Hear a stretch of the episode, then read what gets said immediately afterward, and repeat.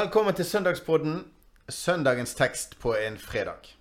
Eh, og i dag eh, er jeg her som heter Leidulf. Her sitter jo ofte Andreas, men eh, jeg har fått æren av å sitte i Andreas' stol i dag. Hvem er det vi har med oss i dag, da? Det er William. William er her. Rosås, ja. Og Gyri Nygaard. Ja. Velkommen. Takk. Takk. Første nyttårsdag. Første nyttårsdag. Det er jo Jesu navnedag. Det er jo en superkort tekst som vi skal lese ganske snart. Eh, kanskje greit. Folk kan jo være litt trøtte første nyttårsdag. Så da er det greit å ha en litt kort bibeltekst. Så Godt den eh, kan en jo få med seg. Eh, men navnet er jo sentralt i, eh, på denne søndagen, i denne bibelteksten. Eh, og da lurer jeg litt på hva, hva forhold har dere til navn? Til deres eget navn, f.eks.? Jeg er oppkalt etter min eh, oldefar, som het William. eh, Og eh, jeg var nok Grunnen til at det navnet mor og far ble enige om det, var nok fordi mor eh, var litt sånn britisk eh, kongefamuse-ting. Liksom, ting. Der var det jo en, eh, en William som ble kalt det. Eh, og jeg har jo liksom prøvd å finne ut ja, hvem, hva betyr det navnet og sånne ting. Og det er jo ikke noe, det ikke noe bibelsk. Det er liksom vilje og hjelm. Men det står litt i Bibelen om, liksom, om frelsens hjelm og, og, og disse tingene. Så det tar jeg til meg. Jeg tenker liksom at det er fint å, å bære sitt navn med, med glede, da. Men du, du tenker du skal bære det litt med vilje og hjelm? Ja, vilje, det er liksom kombinasjon Det er nok eh, sikkert opprinnelig fra noe germansk med en eller annen sånn eh, goter som liksom hadde en eller annen eh, stor hjelm og drev og slo ned folk. Men, men jeg kan jo tolke det som i bibelsk forstand. Og, Litt sånn kraft i dette ja. her, og da. det er ikke så mange helgener som heter William heller. Det er liksom en, en elendig filosof som heter William av Ockham. Men uh, han, vil jeg ikke, han vil jeg ikke forbindes med. Så uh, Nei, så glemmer vi han. ja. Men vilje og hjelm Men dere har ikke Dere har uvanlig navn. Gyrid. Ja. Hva er dette for? Gyrid um, Jeg er oppkalt òg etter oldemora mi. Hun het eh, Gyr... Eller de sa Gyri. Mm. Så, eh, men jeg Det er litt lettere å si Gyri, syns jeg, da. Ja. Så jeg er glad for det. Men eh, det betyr eh, Det er norrønt, og så er det satt sammen av Jeg vet ikke akkurat hva det betyr, men altså, det betyr Gud og vakker.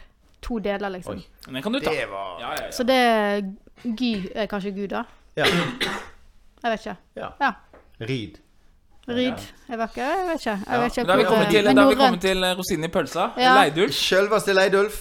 Det navnet kunne jeg ha holdt et uh, to timers foredrag om. Ja, ja. Ikke minst alle reaksjoner jeg har fått på det navnet. Ja, ja. Men jeg tror det skal jeg la ligge nå. Er det oppkalt? Eh, hæ? Er det oppkalt? Jeg er oppkalt etter min farfar, Leidulf Øy.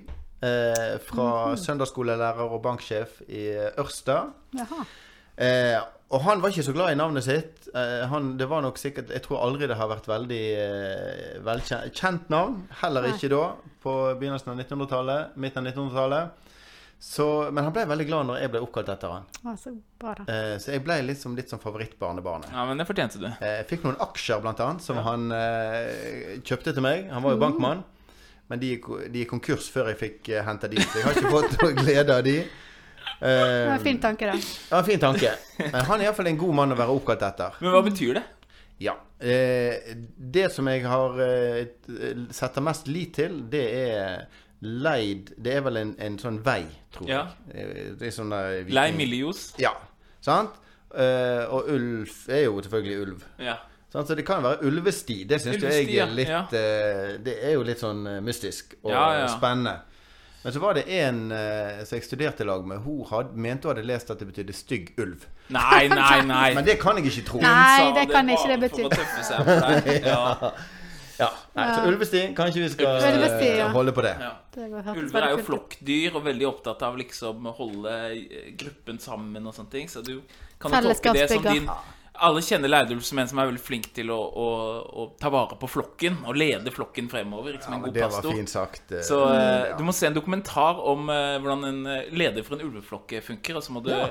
Ta det til inspirasjon for din pastorgjerning. eh, Det var en Leidulf. eh, ny innfallsvinkel. Hæ, sant?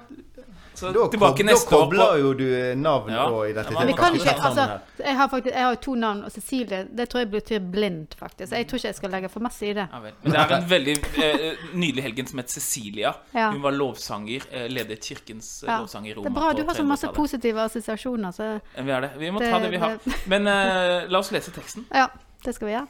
Den står i Lukas 2, 21. Da åtte dager var gått og han skulle omskjæres, fikk han navnet Jesus, det som engel hadde gitt ham før han ble unnfanget i mors liv. Da er det to ting kanskje som eh, står litt sånn tydelig frem. Det er navnet Jesus, og så er det dagen for omskjærelse. Den jødiske skikken etter åtte dager ble guttebarn omskjært, og de eh, fikk navnet sitt. William, Ja, eh, da har vi eh, løfta fram to store temaer her. ja. Vi kan jo begynne med omskjærelsen. Omskjærelsen leser vi om første gang i Bibelen i Første Mosebok 17, der det er et paktstegn som gis Abraham. Eh, og det er jo Gud inngår pakt med sitt folk. Og forskjellen på pakten som Gud inngår med sitt folk, eller andre pakter man kjenner fra, fra liksom de omgivende, det er jo den eh, veldig ulikheten i, i at Gud er den som tar initiativet til pakten, den som bærer pakten, opprettholder pakten, mens folket, eller israelsfolket, som går, inngår en pakt, de blir liksom båret av den, men det forventes av de at de skal være trofast mot pakten. Og det blir jo, Profetene sammenligner jo dette senere med et ekteskap som skal ha fruktbarhet i form av kjærlighet og i form av, av eh, lydighet til Gud. Og hvorfor liksom omskjære penisen? Eh, vi vet jo at eh, det fantes omskjærelsesritualer i, i andre tradisjoner, også i Egypt, for lenge siden, altså for tusenvis av år siden, helt frem til 4000 år før, før Kristus. Men i, i Bibelen så blir det eh, antydet at det har med fruktbarhet å gjøre. Altså Abraham sitt Abraham sin, Det løftet Abraham får, er jo om å bli et stort folk. Og å få et land, et fruktbart land. Og eh, at han skal bli til velsignelse. Og eh, det fins nok et eller annet knytta til der at, at penisen er jo da eh, det som er på en måte kilden til fruktbarheten. Og at fruktbarhet gis som et løfte. Det er jo flere ganger i Gammeltestamentet at, dette, at eh, barn er en lønn fra ga, eh, en gave fra Gud. Og at eh, ufruktbarhet blir med en gang tolket som et, en, et tegn på at man har vært ulydig mot Gud, eller at man ikke har, har Guds eh, nåde. da. Og så er det jo ulike måter hvordan, hvordan her, denne riten blir tolket flere ulike steder i Mosebøkene og i, i Gammeltestamentet. Eksempel får vi høre i, i Josva-boken at den andre generasjonen, de som var generasjonen etter Moses, at de ikke hadde blitt omskåret, og de blir da omskåret som voksne. Og da er det en slags inn, en innvielsesrite når de skal inn i det lovede land. De skal forberede seg for å innta det lovede land.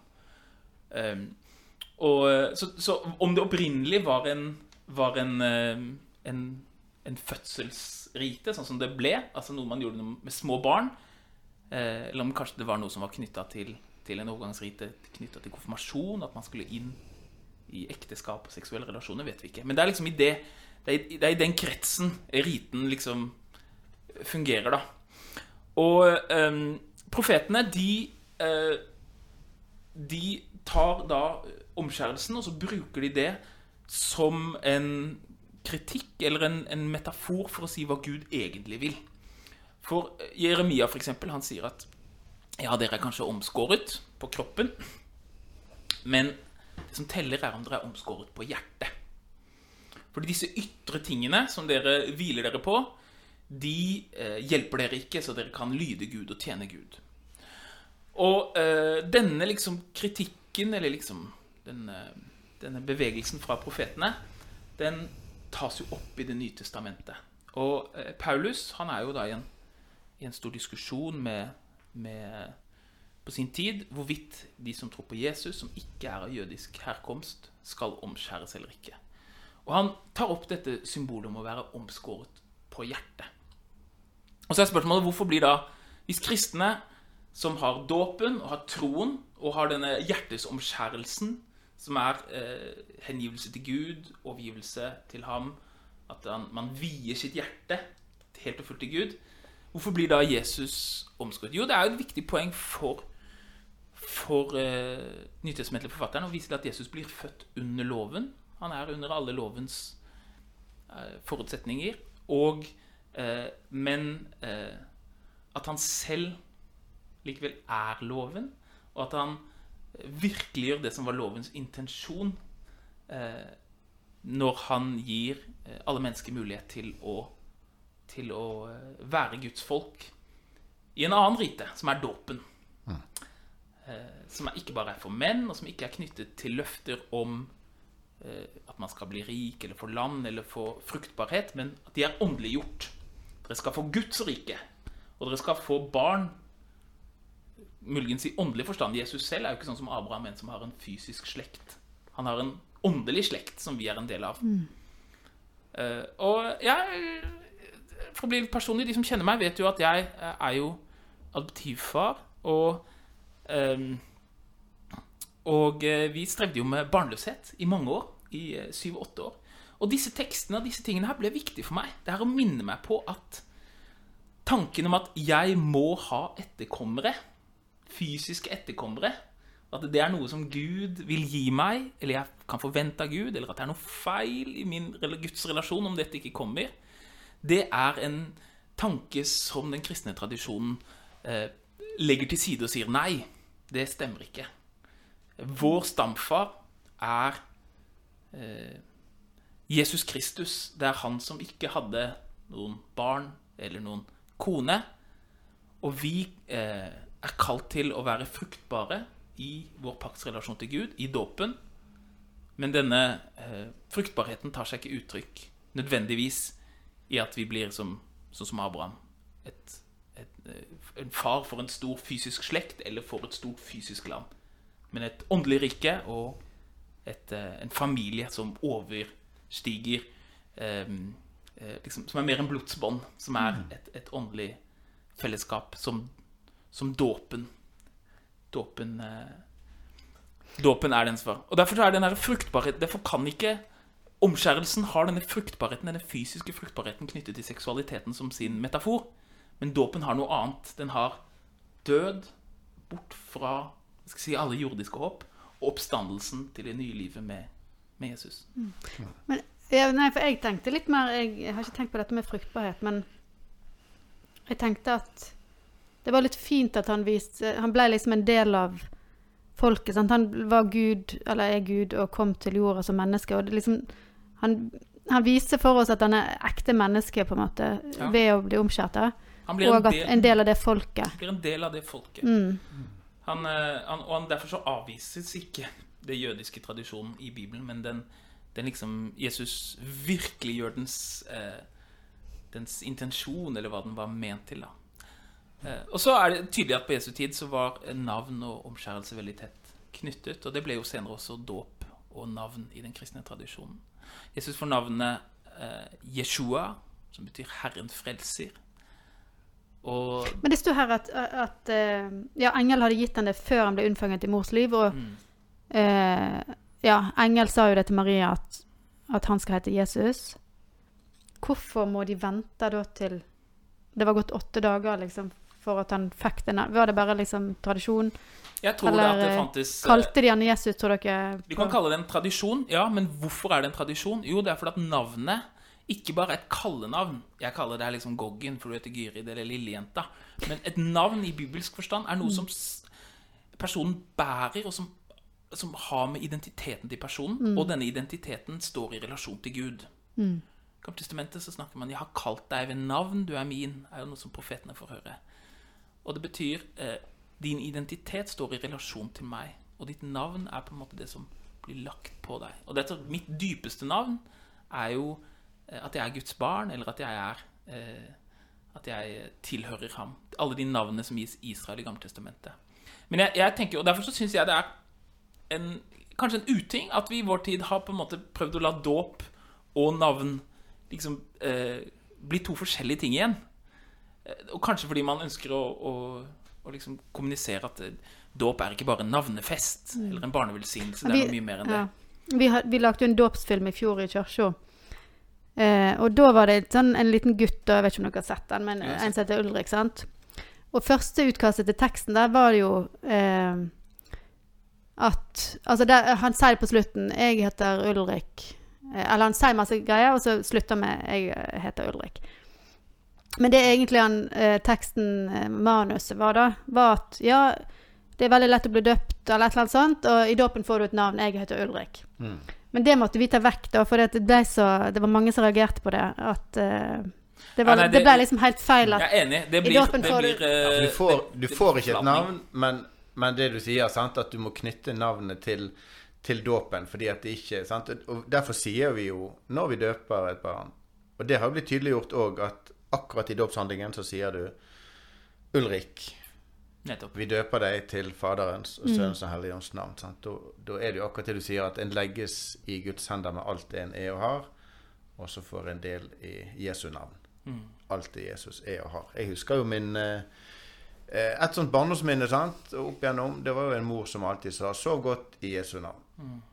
Vi bruker jo Jesu navn på veldig sånn Mm. Vi slenger det ofte på. Jeg tenkte ikke så mye over det da, men jeg har tenkt mer på det etterpå, sant? I, i forhold til det vi har snakket om nå òg, at alt det Jesus er, Mm. det måtte, får vi del i. Og navnet bærer det. Ja. Navnet, bærer, navnet er ikke bare en merkelapp som er puttet på noe. Nei. Navnet bærer i seg den personen som det nevner. Og eh, derfor så sier vi at det er kraft i Jesu navn. Vi sier at det er eh, trøst i Jesu navn. Og så var det sånn «Eh, Men du mener vel egentlig Jesus? Ja, men navn og identitet, det er dette hva det, eh, hva det er og representerer. Og eh, noe som er, Det er jo Leseteksten her er jo Filippebrevet 2. Eh, en av de kanskje eldste teksten i Nytestamentet, som er en hymne til Jesus. Han var i Guds skikkelse, så det ikke som et rov å være Gud lik, men ga avkall på sitt eget og ble mennesket lik. Han kom eh, eh, Og han fikk navnet over alle navn. Og da er det jo en liksom, et stort spørsmål i, i, eh, i bibelfaget, forskningen. Hvilket navn er navnet over alle navn i denne hymnen? Og det er ikke sikkert det er navnet Jesus. Det kan hende at det er navnet Javé, Herren. Eh, men det er likevel uh, denne ideen om at, uh, at navnet og det å tilhøre noe Mitt navn er nevnt over deg, sies også til profetene. Det er noe som gir meg en identitet, og som, og som bærer meg. Og Derfor så nevner vi Jesu navn. Når vi ber, så, så tenker jeg ofte at det å, å bare rett og slett ta tilflukt til navnet Jesus, påkalle navnet Jesus Jeg ber ofte Jesusbønnen. Herre Jesus Kristus, miskunne deg over meg. Men noen ganger så bruker jeg bare Jesu-navnet som et sukk. Jesus. Påkalle Jesus. Og det gjorde jo de gamle jeg skal si, tantene også på bedehuset. Og det er noe de Der står de felles med de ortodokse. Den her, eh, I bønnen så vet vi det, at påkallelsen av navnet Jesus er ikke bare et ord. Det, det, det bringer det det nevner. Det, det, det gir trøst. I det navnet er det, er det lys. I det navnet så er det, er det kraft. Det er jo noe vi kan ta med oss inn i et nytt år. Det er, det er stadig nye begynnelser. En ny dag, et nytt kirkeår har vi markert i adventstiden. Nå er det et nytt år. Nytt liv som vi får. Den kraften som er, det er jo den Hvis vi skal tenke litt stort, den kraften som reiste Jesus opp fra de døde, den kraften er det som, som dette navnet bærer med seg. La oss bestemme oss for istedenfor alle mulige nyttårsforsetter, la oss gå inn i det nye året i Jesu navn. Ja. Fint. Det var et fint tilnærming til, eh, til nyttårsforsettene. Litt mer befriende enn alle disse nyttårsforsettene. Da eh, skal vi avrunde denne podkasten vår i dag med å be Fader vår og velsignelsen sammen. Vår Far i himmelen. La navnet ditt helliges, la riket ditt komme. La viljen din skje på jorden slik som i himmelen. Gi oss i dag vårt daglige brød, Og tilgi oss vår skyld, slik også vi tilgir våre skyldnere. Og la oss ikke komme i fristelse, men frels oss fra det onde. For riket er ditt, og makten og æren i evighet. Amen. Velsign oss, Gud Fader. Velsign oss, Guds Sønn. Velsign oss, Gud, du Hellige Ånd. Amen.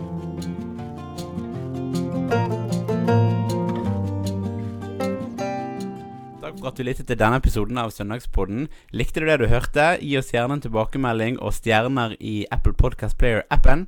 Følg oss gjerne på Instagram under brukernavnet Søndagspodden. Og del den gjerne med noen eh, du kjenner som kan ha stor glede av eh, denne podkasten. Vi snakkes.